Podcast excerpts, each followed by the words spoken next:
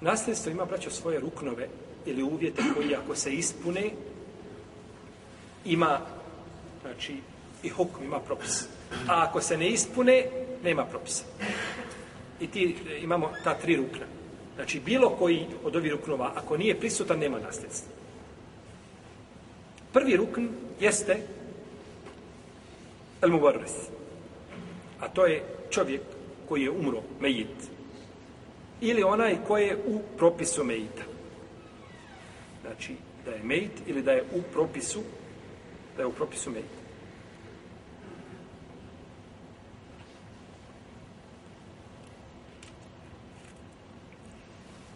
šta znači u propisu mejta? U propisu mejta znači čovjek, recimo, koji je ovdje u Bosni nestao, recimo, u ratu. I nema ga do danas. Jer potvrđeno da je on umro?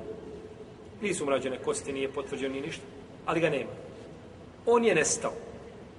Ali je on u propisu Mejta u smislu da je nemoguće da čovjek ili teško je zavjerovati da čovjek bude nakon rata 20 godina zatvoren negdje. Jel tako? U državi koja se zove Res ili Herceg Bosna i da je tu negdje zatvoren kod onih koji su ga uhapsili, koji su ga mučili, sveč o tome, i da ga nema do danas. To je šta? Nelogično. Ili je ubijen, znači, ovaj, ili je umro, znači on je u propisu čovjeka koji, koga nema. Pa nije samo osoba koja šta? Ovaj, mrtva, dokazano. Nego može biti čovjek da je u propisu šta? u propisu mrtve osobe. Drugi uvjet jeste elovaris, a to je osoba koja nasljeđuje. To je osoba koja nasljeđuje. Živa osoba koja nasljeđuje ili koja je u propisu živog. Koja je u propisu živog. Šta znači u propisu živog? Islamski učenjaci tu navode kažu e, dijete u majčinoj utrobi. Dijete u majčinoj utrobi. Jer čovjek preselio, ostavio za sebe ženu i dijete. Žena trudna.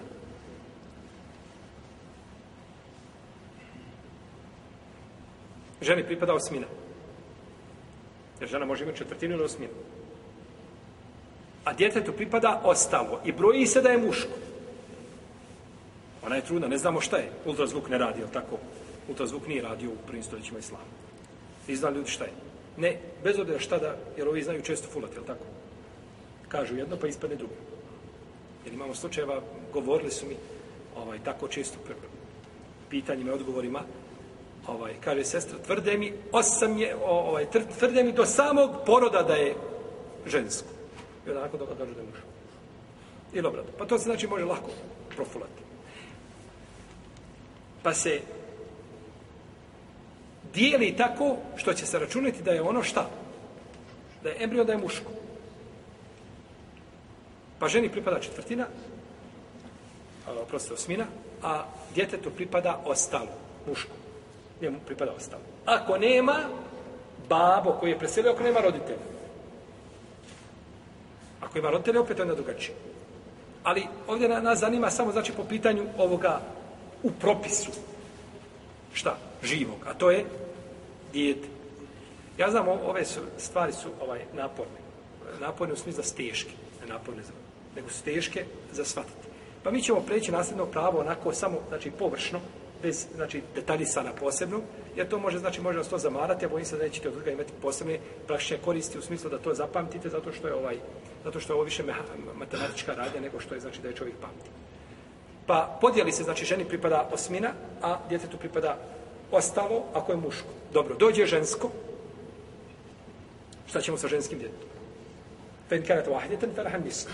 A ako bude jedna njoj pripada pola. Pa će djetetu ići pola, a majici ide osmina, a ostali dio ide najbližem e, rođak od muškog, od, od, od ovoga babi koji je presredio. Uglavnom, nas zanima ovdje šta? Da će dijete, znači, ovaj, biti u propisu koga?